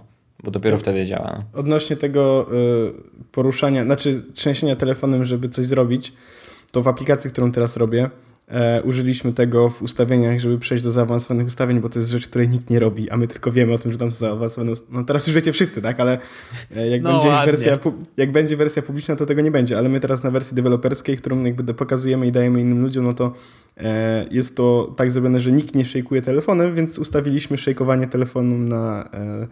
Wejście do takich ustawień deweloperskich, powiedzmy. No, no bo to jest rzecz, której nie powinno... No tak. Hyperlapsie na przykład, żeby wejść do zaawansowanych ustawień y, wideo, które są i w ogóle są całkiem y, rozbudowane. Trzeba kliknąć chyba Czterema jakieś... palcami trzeba chyba trzy razy puknąć w ekran i wtedy to się pojawia. To tak też zabawne, ale no, deweloperzy czasem ukrywają różne rzeczy i pytanie, czy pod forstaczem przypadkiem nie trzeba będzie ukrywać pewnych rzeczy, bo i tak nikt, nikt nie będzie z niego korzystał. No, to... Ale wyobrażasz sobie, jak forstacz, masz ekran 5,5 cala, nie? Masz 5 plusa jak naciskasz tak mocno i widzisz, jak na przykład się odkształca ekran, bo naciskasz tak, Jezus Maria. I jeszcze wiesz, e, takie oldschoolowe LCD, tak ci się rozlewa, tak, tak, bo tak. mocno nacisnąłeś. Okrutne, okrutne. E, no, ciekawy jestem, jak to się rozwinie, ale faktycznie, znaczy e, moja perspektywa i moje myślenie o Apple Watchu się nie zmieniło. To znaczy, mimo tego, że mówicie o nim tak, to, co mówicie i to bardzo cenne w ogóle, co powiedziałeś, Paweł, ja nadal uważam, że gdyby, jeżeli nawet y, miałbym go sobie kupić, to druga, może trzecia generacja i wtedy już, już osiądzie. Już będzie, już się rynek troszeczkę uspokoi. Może pojawi się coś innego, co będzie tak samo dobrze współpracować z iPhone'em. Y, spoiler, nie pojawi się, bo Apple na to nie pozwoli. Y, ale generalnie tak, raczej poczekam sobie jeszcze trochę, żeby żeby popracowali nad baterią i żeby po prostu naprawili te błędy, które pojawiły e, się na starcie. Że, że tak ci jeszcze wcisnę się w to, to są pierwsze testy, więc jakby nie przywiązujecie się do tego, ale jak na to, jak działa bateria, to mam wrażenie, że oni byli bardzo ostrożni z tym mówieniem, ile ona działa. To znaczy, wydaje mi się, że w normalnym użytku ona będzie działać dużo dłużej niż to, co jest tam napisane na papierze. Okej. Okay. E, więc Taki okay. trochę typowy Apple, bo oni tak bardzo często robili. Na przykład ten MacBook, którego ja mam, no teraz już nie, ale oni powiedzieli, no do 10 godzin na baterii, tymczasem pierwsze, tam pierwsze parę miesięcy miałem po 15-14 godzin na baterii. To jest strasznie dużo. To było super. No teraz mam 5-6 max. Mhm. No ale to ale... wiesz, no, z Apple Watchem też może być tak, że dzisiaj potrzyma 12 godzin, a za rok już nie będzie tak wesoło. Zobaczymy. Znaczy ja trzymam kciuki, żeby on żył jak najdłużej. E, będziemy mieli go w redakcji. Jeszcze nie wiem jak to zrobię, ale będziemy mieli. No kiedyś na pewno, kiedyś na pewno, także czekamy. E, no super, panowie. Minął nam czas. Ale ja chciałem jeszcze. No co byś chciał jeszcze? No bo mieliśmy jeszcze temat, który chyba zanim Paweł się pojawił na Skype, to jeszcze chcieliśmy o nim porozmawiać, bo mm, i ja dostałem w trakcie nagrywania odcinka pytanie Wojtek na, na ten temat, więc to by było fajnie jeszcze zrobić, szczególnie, że Paweł też ma historię związaną z makami. No to słucham. E, no bo Włodek dzisiaj wypuścił swój nowy program, którego jeszcze nie oglądałem, flashback odnośnie maków, tak jak Wojtek mówiłeś, tak? Mhm. I w komentarzach właśnie też opowiadałeś, że pojawił się ktoś, kto napisał, że Linux jak zawsze dyskryminowany, tak? No ja to zacytowałem na Twitterze, nie, nie mówiąc skąd to się wzięło, ale tak to się stamtąd wzięło i absolutnie doskonały cytat. Myślę, że to jest taki y, komentarz, który można wkleić wszędzie. Bo e, ja dostałem na Twitterze pytanie w trakcie nagrania, wiesz, tętno pulsu. Mhm. Jak wyglądała w waszym przy, przy, przypadku przysiadka na Maca? Ile wam zajęło stuprocentowe przejście z Windowsa na OS X i przyzwyczajenie się do tego. E, Dwa... I to jest całkiem fajne. Ja, krótka bo... piłka, dwa tygodnie, dziękuję. Ja zawsze e. mówię wszystkim, którzy e, chcą się przenieść na Maca albo się przenoszą i, i wiesz, na przykład zaczynają się krzywić, że Jezu, to control, command, co to, jak to, nie rozumiem tutaj, klawiatura, wiesz. Ja mówię, y, dwa tygodnie. I po dwóch tygodniach przychodzę, jak tam? No, Windows? Co? Wiesz, no, tak się to kończy. A Paweł, ty korzystałeś wcześniej z Windowsa i Linuxa? Yy, tak. I nie pamiętam ile mi to zajęło, zwłaszcza, że przez długi czas symultanicznie korzystałem z jednego i drugiego, bo w pracy miałem Windowsa i korzystałem na nim z Photoshopa, a swojego prywatnego miałem Maca i tak naprawdę miałem Maca często w pracy i stał obok komputera z Windowsem, więc Miałem komputer z Windowsem, na którym miałem odpalonego Photoshopa tylko i Maca, na którym był odpalony internet. E, ale, internet. ale e, widziałem kawałek tego programu tylko, włodkowego dzisiejszego i stwierdziłem, że. Znaczy, e, zostawiłem go sobie na później, po prostu nie miałem gdzieś tam czasu go oglądać, ale zatrzymałem ja się. Na takim, w karcie, no, zatrzymałem się na takim etapie, kiedy Włodek mówi coś w rodzaju, że to nie jest tak, że nie dajcie sobie udowodnić, że jak że jak macie, nie macie Maca, to jesteście gorsi. I to, szczerze mówiąc, to zdanie mnie rozbawiło, bo ja dy o dyskusjach, czy mam Maca, czy nie mam Maca, głównie spotykam się z opinią, aha, nie działa ci, bo masz Maca. Było kupować taki komputer badziewny za Umarła ci babcia? No to trzeba było kupować no, MacBooka? Wie, więc ja mam wrażenie, że jest odwrotnie, że tu ludzie uważają, że a, masz Maca, a ty hipsterze wydajesz kupę pieniędzy na zabawkę, bo ma świecące jabłko, kupiłbyś sobie coś, nawet nie możesz Call of Duty odpalić. I, więc to jest, wydaje mi się, że punkt widzenia zależy od tego, z to której się, strony patrzysz. to prostu. też się zmienia inaczej. Jak są gimnazjaliści, powiedzmy, to u nich jest właśnie tak, że e, o, y, właśnie kupujesz Maca, bo się będzie jabłko świeciło i masz klawiaturę podświetlaną. Ale jak są hejterzy tacy, wiesz, 18-20-letni powiedzmy, to u nich jest tak, że o, masz Maca i co? Śmieciu, pewno ci nic nie działa teraz, nie możesz niczego uruchomić. A, a okazuje się, że tak jak to ja mówiłem przy tym, jak przyszły te tablety z Windowsem, z którego nie korzystam i leży w szafie, e, że okazało się, że chciałem skorzystać z Windowsa i chciałem coś na nim zrobić i okazało, że wielu programów, z których normalnie korzystam nie ma i nawet nie ma do nich zamienników na Windowsie. A wcześniej było przecież tak, że chyba wszyscy pamiętają te momenty, w których Windows jakby słynął z tego, że jest każdy na niego program, a na Maca, o, no wiesz co, no to będziesz musiał uruchomić jakimś tam winem czy innym czymś, albo będziesz musiał tutaj w Parallelsach czy na bootcampie odpalać coś tam. A teraz się okazuje, że wszystko jest na Maca, że wszystko jest na iPhone'a, wszystko jest na iPada, a jak chcesz po prostu jakiś program, to wiesz co, na Windowsie to nie do końca jest, możesz spróbować z przeglądarki, ale to będzie słabe, nie? I, i w moim przypadku na przykład to było tak, że jak dostałem komputer, to potrzebowałem 35 minut.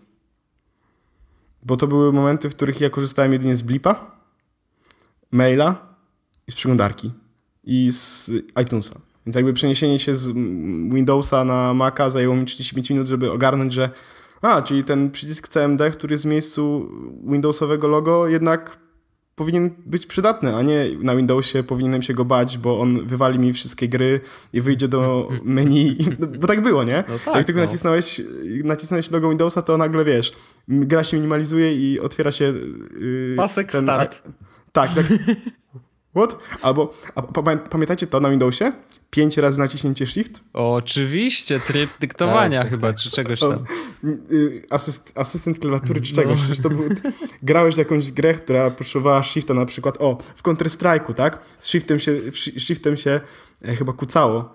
E, czy szło wolniej. No i wiesz, pięć razy nacisnąć Shift i kurwa, wyrzuciło mnie z gry. W Diablo dwójce shift, Shiftem było przy, przy przytrzymanym shiftem, przy shifcie lewym przyciskiem się nie chodziło, tylko używało umiejętności. Więc jak się dużo strzelało i chodziło nawzajem, na, na zmianę na przykład y, no, no, jakąś tam postacią Diablo, to często się odpalał właśnie. Nagle gra się minimalizowała, wyskakiwało okienko, a z reguły coś takiego, taki poziom kajtowania w grze odbywał się w trakcie turniejów, więc jesteś na turnieju i nagle gra ci się minimalizuje. Naprawdę rage max. No tak, Rage Million. u siebie w domu to mogłeś sobie wyłączyć, nie? A jak siadasz do kompa y, gdzieś tam na jakiejś imprezie, to nagle się okazuje, że Ale tego, tego to, nie to wyłączył. Też, to też nie było takie proste, żeby to wyłączyć, bo to wiesz, to było tak, że musiałeś wejść w ustawienia jakieś nie. tam głęboko i też było tak, że mm, Windows miał chyba dwa podziały ustawień, że były ustawienia, które były taką prostą listą, ale mogłeś też zrobić, że były jakby kafelki i kategorie. Mhm. I zależnie od tego, co ustawiłeś, to te ustawienia były w innym miejscu i mogły się też inaczej nazywać. To było takie... No. Tak, weźcie też pod uwagę, że to wszystko, o czym mówimy, mam takie wrażenie, że już nie do końca tak jest. Nie, już teraz nie jest. Na szczęście że tak nie jest. Z jednej strony Windows się zrobił lepszy i to dobrze dla nich, ale z drugiej strony ja ostatnio, nie wiem czy korzystacie z takiego serwisu Twitter. Y, poznają. Co? Słyszałem Co? o nim trochę. To jest to, gdzie nie można się wypowiedzieć dłużej niż 140 znaków i przeprowadzić normalnej dyskusji? To jest nie, to jest mój blog. nie. To mi się podobało, to ładne. ładne. Ale, ale na Twitterze właśnie jakiś czas temu napisałem taki status, już nie pamiętam czego dotyczył, ale napisałem właśnie, że kurczę, Pewno pamiętacie... Banach, co? Nie, właśnie nie. E, tym razem nie. Napisałem tak coś, kurczę, pamiętacie te czasy, kiedy mówił, kiedy, kiedy jak wychodziło coś Apple, to można było brać pod uwagę, że to, to będzie w porządku. Ja miałem, e, że to będzie dobre, to będzie działać, a teraz już tak nie jest. Nie mam takiego wrażenia. Ja pamiętam inną rzecz troszkę z y, mojego korzystania z Windowsa, a mojego korzystania z Maca. Jak na Windowsie pojawiała się informacja o jakiejś aktualizacji, to ja się bałem. Bałem tak, się, że coś się tak. zepsuje. Jak na Macu pojawiała się informacja aktualizacji, to mówiłem, o kurczę, mój komputer będzie działał lepiej, szybciej, fajniej, będzie bardziej bezpieczny i od razu instalowałem. Po czym teraz jest, tak, teraz jest tak, że, no dokładnie, teraz jest tak, że pojawia się aktualizacja na, na Macu i myślę, okej, okay, to może poczekam, czy ludziom się nie skraszują komputery, czy się telefony nie zmienią w cegły i tak dalej, i tak dalej, i tak dalej. I to było tak, jak jakiś czas temu, jak, jak Apple wypuszczało nową wersję iPhoto, jakąś tam 2007 czy coś w tym rodzaju, to mówiłem, kurczę, ale super rzeczy, rozpoznawanie twarzy, te takie tr trójwymiarowy globus, gdzie się pojawiają, gdzie twoje zdjęcia są, mega fajne rzeczy. Teraz odpaliłem nową aplikację zdjęcia, która się pojawiła i pierwsze co zrobiłem, to zacząłem szukać, czy, czy jestem w stanie jednocześnie korzystać z iPhoto jednak. I całe szczęście jestem. Po prostu Apple wypuszcza nowe rzeczy i one nie działają tak, jakbym oczekiwał. I, I to się mocno zmieniło. I już nie jestem w stanie komuś polecić Maca i powiedzieć: Słuchaj, to jest taki komputer, gdzie wszystko tak. działa tak super, jak chcesz. Bo wydaje mi się, że w wielu przypadkach niestety nie działa. I nie chcę mówić, że to się zaczęło od śmierci Steve'a Jobsa, ale się A, zaczęło od śmierci. Przypadek? Nie, ale, ale myślę, że znaczy, ja nie, nie, jestem, nie jestem ostatnią osobą, która powie, że Apple się kończy, że w ogóle to już nie jest ta sama firma co kiedyś. Przecież nie pracuję dla Spider's Web. Ale, ale wydaje mi się, że mimo wszystko ta legenda Jobsa, że on tak ich mocno trzymał za jaja, to jednak było w tym trochę prawdy i mam wrażenie, że oni od czasu tego, jak on, on jemu się zmarło, to mimo wszystko. Yy, że mimo wszystko nie ma, nie ma kogoś, kto tak mocno tą firmę trzyma i czasem im tam trzaśnie w łeb i powie, że to, co robią jest kretyńskie i czasem wy, zdarza im się robić coś, co jest kretyńskie. Ale wiesz co, to jest zabawne, bo ja dzisiaj rano, jak otworzyłem komputer, to wyskoczyła mi ta z centrum powiadomień, wiesz, e, o, masz dostępne nowe aktualizacje. I ja y, automatycznie już zrobiłem tak, przypomnij mi jutro w nocy. I właśnie w trakcie, jak zacząłeś to mówić, to odpaliłem y, Mac App Store, żeby sprawdzić, jakie mam aktualizacje. I na przykład mam Xcode'a aktualizację sprzed tygodnia, której nie zrobiłem, bo boję się, że coś się wywali, bo Xcode niestety ma teraz to do siebie, e, nie wiem czy używasz Xcode'a jakoś szczególnie często, ale Xcode ma teraz to do siebie, że na przykład e, no wiecie co, wszystko fajnie, nowa wersja, nie działają storyboardy w tym momencie. Pozdrawiam. I nagle okazuje się, że chcesz coś zrobić i nie możesz tego zrobić, bo Xcode nie działa, bo nowa wersja no, zawiera parę bugów, które umieściliśmy, żeby było śmieszniej. To jest straszne i dlatego widzę wam też, że mam aktualizację dla komputera w ogóle jakąś całą, która wymaga uruchomienia ponownie. E, no to już nie wiem, od stare kiedy to jest, jest bardzo. To już jest bardzo no, stare. E... No więc, więc chciałbym... Chyba, że masz program beta, to jest nie stary. A, no to e, A, tak. faktycznie, tak, to jest 10.10.4, więc e, nie wiem ile to ma. Wczoraj, przedwczoraj coś takiego. No to my, myślę, że e, za dwa tygodnie jakoś to zrobię a coś się pojawiło ciekawego? Wiesz co, mi ostatnia y, y, aktualizacja, znaczy ja po ostatniej aktualizacji te, tej z programu betowego y, wyłączyłem program betowy, bo mi wywaliła mi Bluetootha w komputerze w ogóle. Oj, oj. A ja korzystam z Bluetootha, bo mam Notifiera, który mi przesyła notyfikacje z iPhone'a. Mam Noka, który, dzięki któremu odblokowuję komputer pukając w iPhone'a i mam jakieś tam aplikacje i nagle no, twój Bluetooth po prostu nie widzi nic i dziękuję. Ja, ja, ja korzystałem z bety tylko dla jednego, bo chciałem mieć zdjęcia. No to już masz. E, co było za... Przykro mi.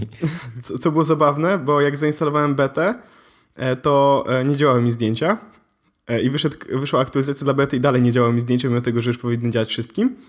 E, I teraz jestem chyba na niebecie, i cały czas mam, mam tu aktualizację tą do 10.10.4, ale boję się to zrobić, bo boję się, że nie wiem, coś mi urwie, nagle się okaże, że coś nie działa, zabije mi coś. Dobrze, ale ja... rozmawiamy teraz mhm. tylko o dwóch systemach, ale nie zapominajcie właśnie o Linuxie. Y, ja chcę dowiedzieć się czegoś o Linuxie. Kto mi jest w stanie powiedzieć coś o Linuxie? Ja korzystałem z Linuxa przez 4 lata.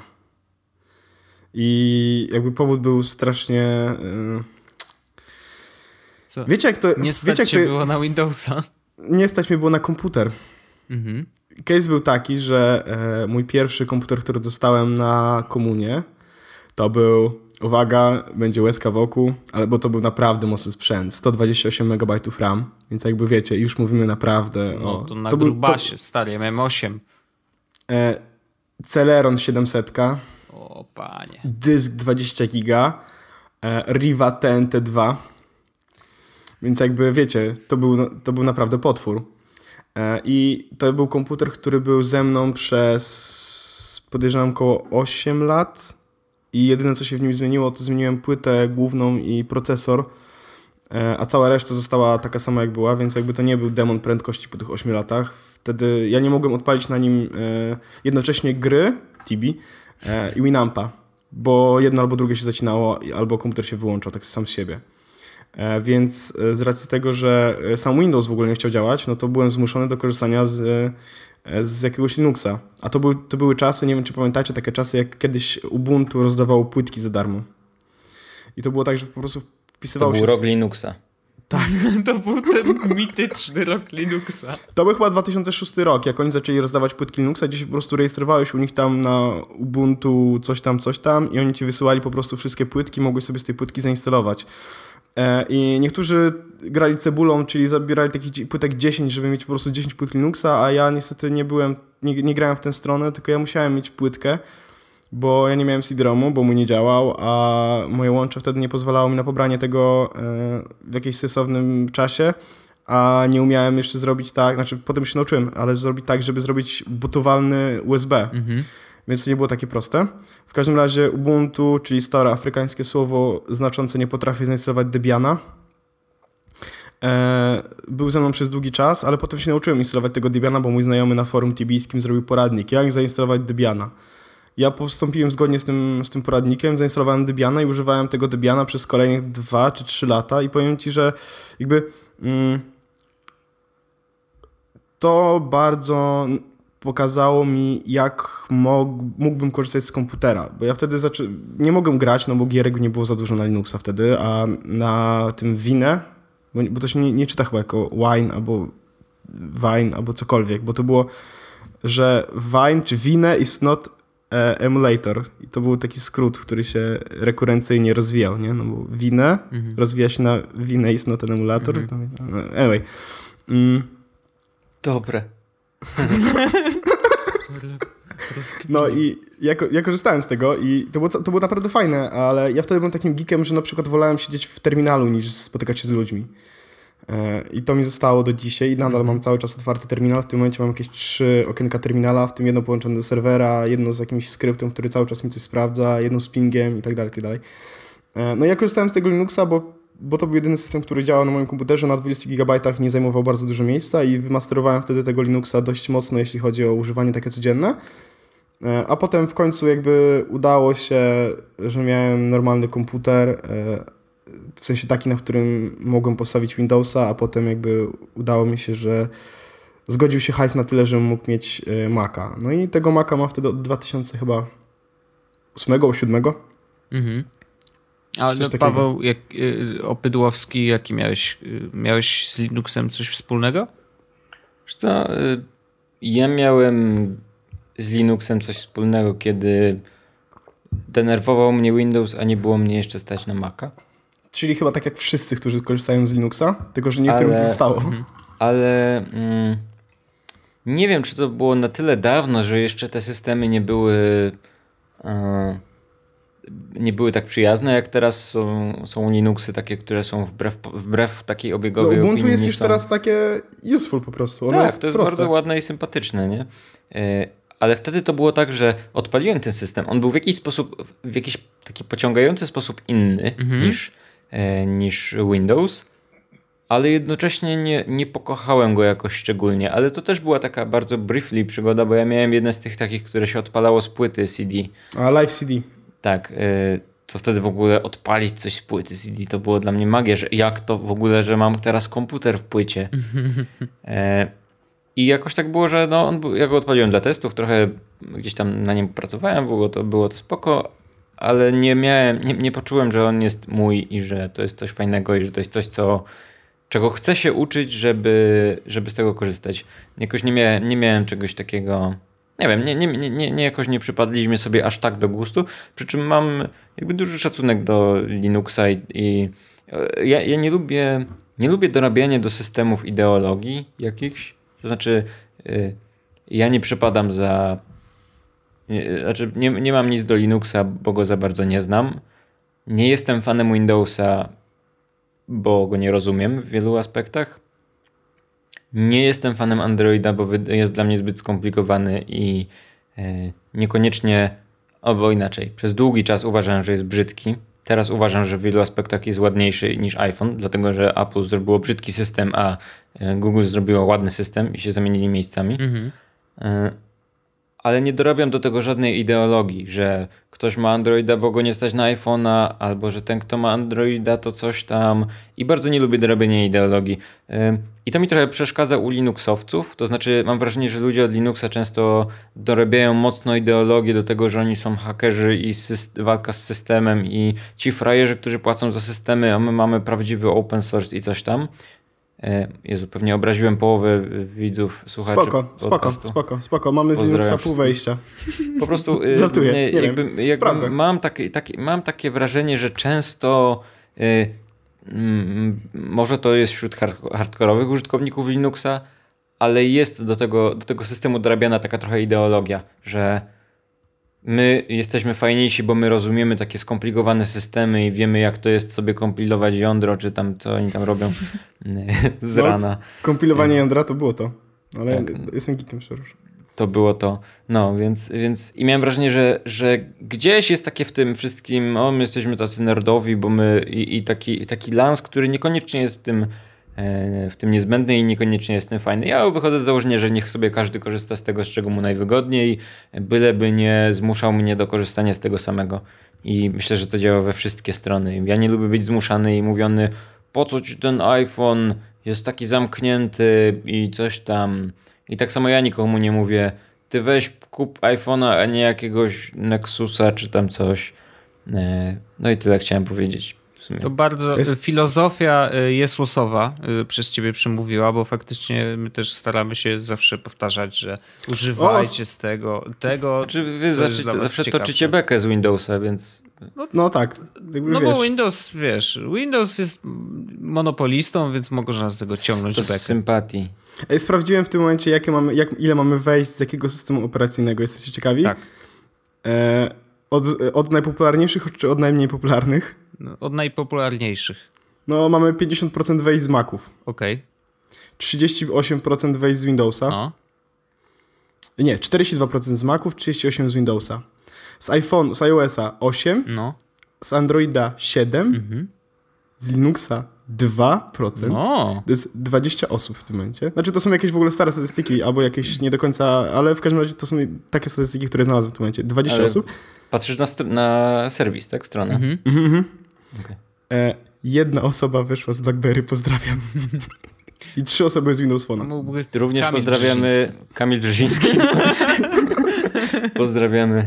No, ale ja też y, miałem bardzo krótkie y, spotkanie z Linuxem i to dość późno jak na, y, jak na wasze doświadczenia, bo nie wynikało ono tak naprawdę z tego, że nie stać mnie było na lepszy komputer, czy, czy, czy musiałem, tylko ja z ciekawości zupełnie. Znaczy, był jakiś powód, który e, wynikał z jakiegoś tam, coś robiłem przy okazji, jak byłem jeszcze project managerem Newsweeka, to gdzieś tam, e, jak dostałem tego e, MacBooka pierwszego, z którym zapoznałem się przez te dwa tygodnie, tak jak mówiłem, i, i zaczęło mi się z niego dobrze korzystać, to gdzieś coś robiliśmy i ja musiałem przetestować jakąś stronę chyba i y, właśnie na Linuxie, bo dostałem jakieś info, że e, na Linuxie coś tam nie działa. Mówię, okej, dobra, sprawdzimy. No i na VirtualBoxie sam sobie zainstalowałem tego Linuxa. Nie było to łatwe, bo y,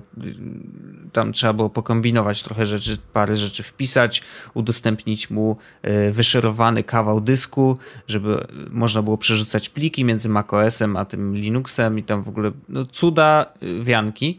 I generalnie ja z, z, tego co pamiętam zainstalowałem chyba y, Ubuntu właśnie, więc y, tak orzech, możesz mnie tutaj yy, zbesztać, ale tak było. Nie no, Ubuntu jest ok. No, to było najprostsze, znaczy wiesz, jeżeli chodzi o interfejs ten Ubuntu wizualny, jest taki, no to wiesz. Ubuntu jest takim OS X-em wśród wszystkich Linuxów, tak? Jakby ustalmy. No bo właśnie tego szukałem trochę, bo wiesz, jakby wiedząc czego e, mogę się spodziewać po Linuxie, no to stwierdziłem, że dobra, idźmy w coś, co jest najprostsze.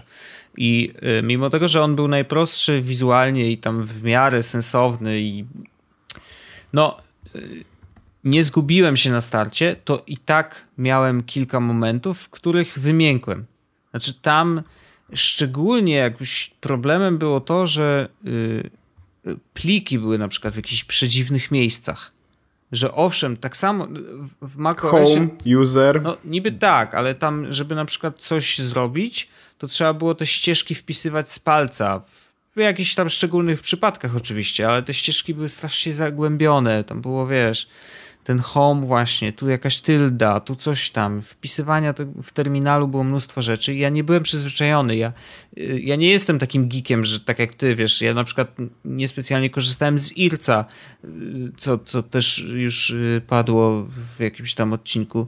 Więc jakby wpisywanie tych z palca komend, które mają się wydarzyć, to dla mnie nie jest naturalne. Ja jestem człowiekiem od klikania. Wiem, że to Boże pokazuje moją taką ludzką część, a nie, nie jestem androidem, y, więc trudno, tak? Jakby niech to już wyjdzie na jaw, y, ale faktycznie jestem klikaczem y, i doceniam oczywiście wszystkie skróty klawiaturowe, które w macOSie są i, i korzystam z nich nagminnie. Natomiast faktycznie jakby przez wiele, wiele lat byłem tym, który korzystał przede wszystkim z myszki.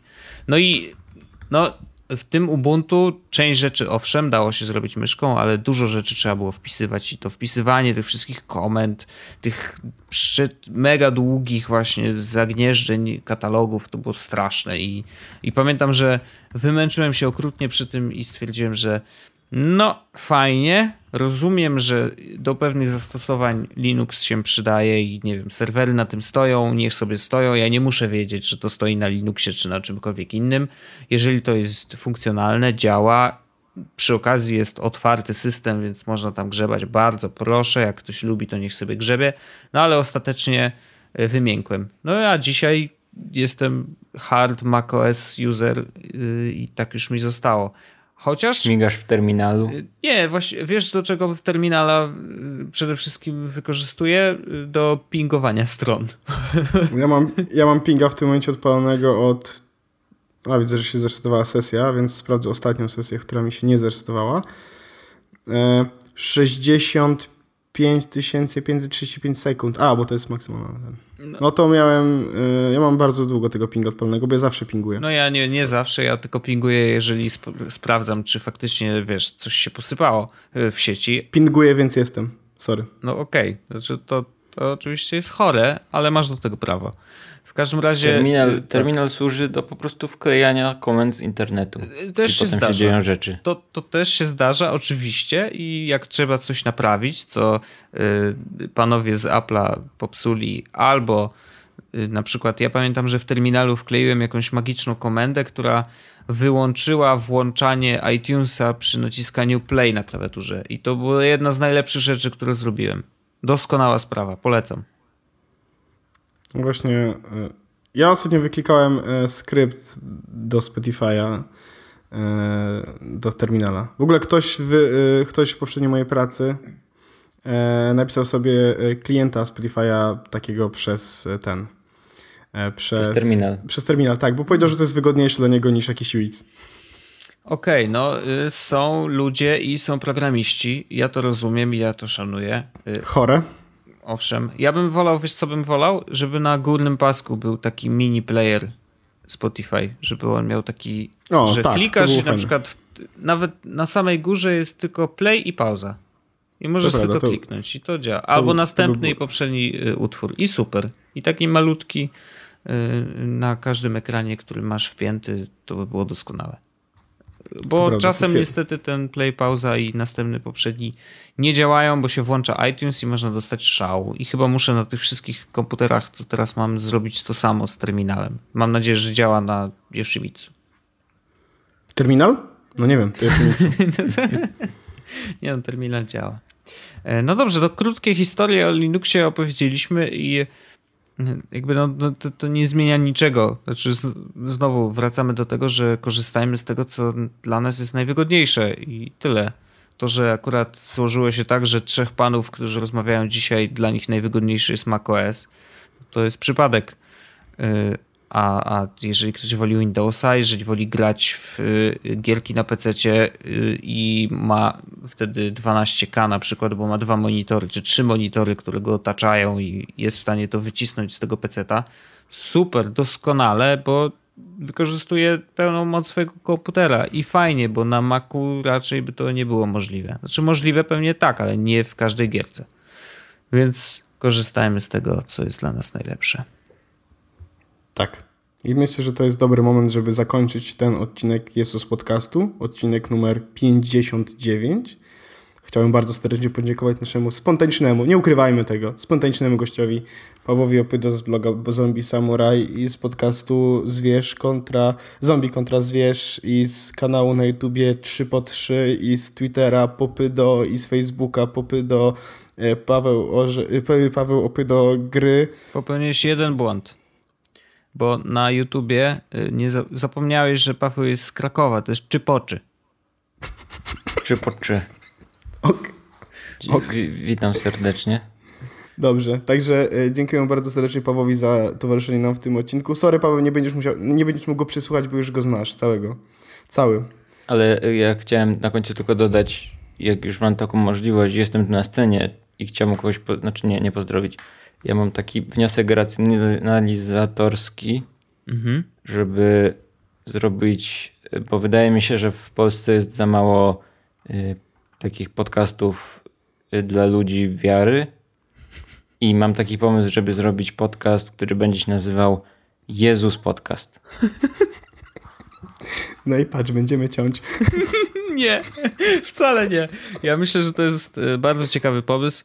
Y, zadzwonimy do ojca R z Torunia i pogadamy o tym pomyśle. Jest jedna osoba, która mogłaby robić Jezus podcast i uważam, że byłby dobry. Wiem kto. Mateusz Ochman. Dokładnie tak. Dokładnie to chciałem powiedzieć.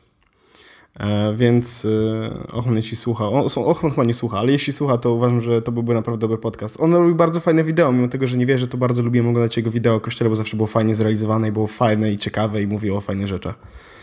Więc jak, to się nazywało chyba bez imprimatur, więc jak ktoś jeszcze nie widział, to może sobie sprawdzić, bo fajne jest. Wszystko jest po łacinie, więc i tak nie zrozumiecie, ale można spróbować. Jest ładnie tak. zrobione. Tak. Także e, dobrze.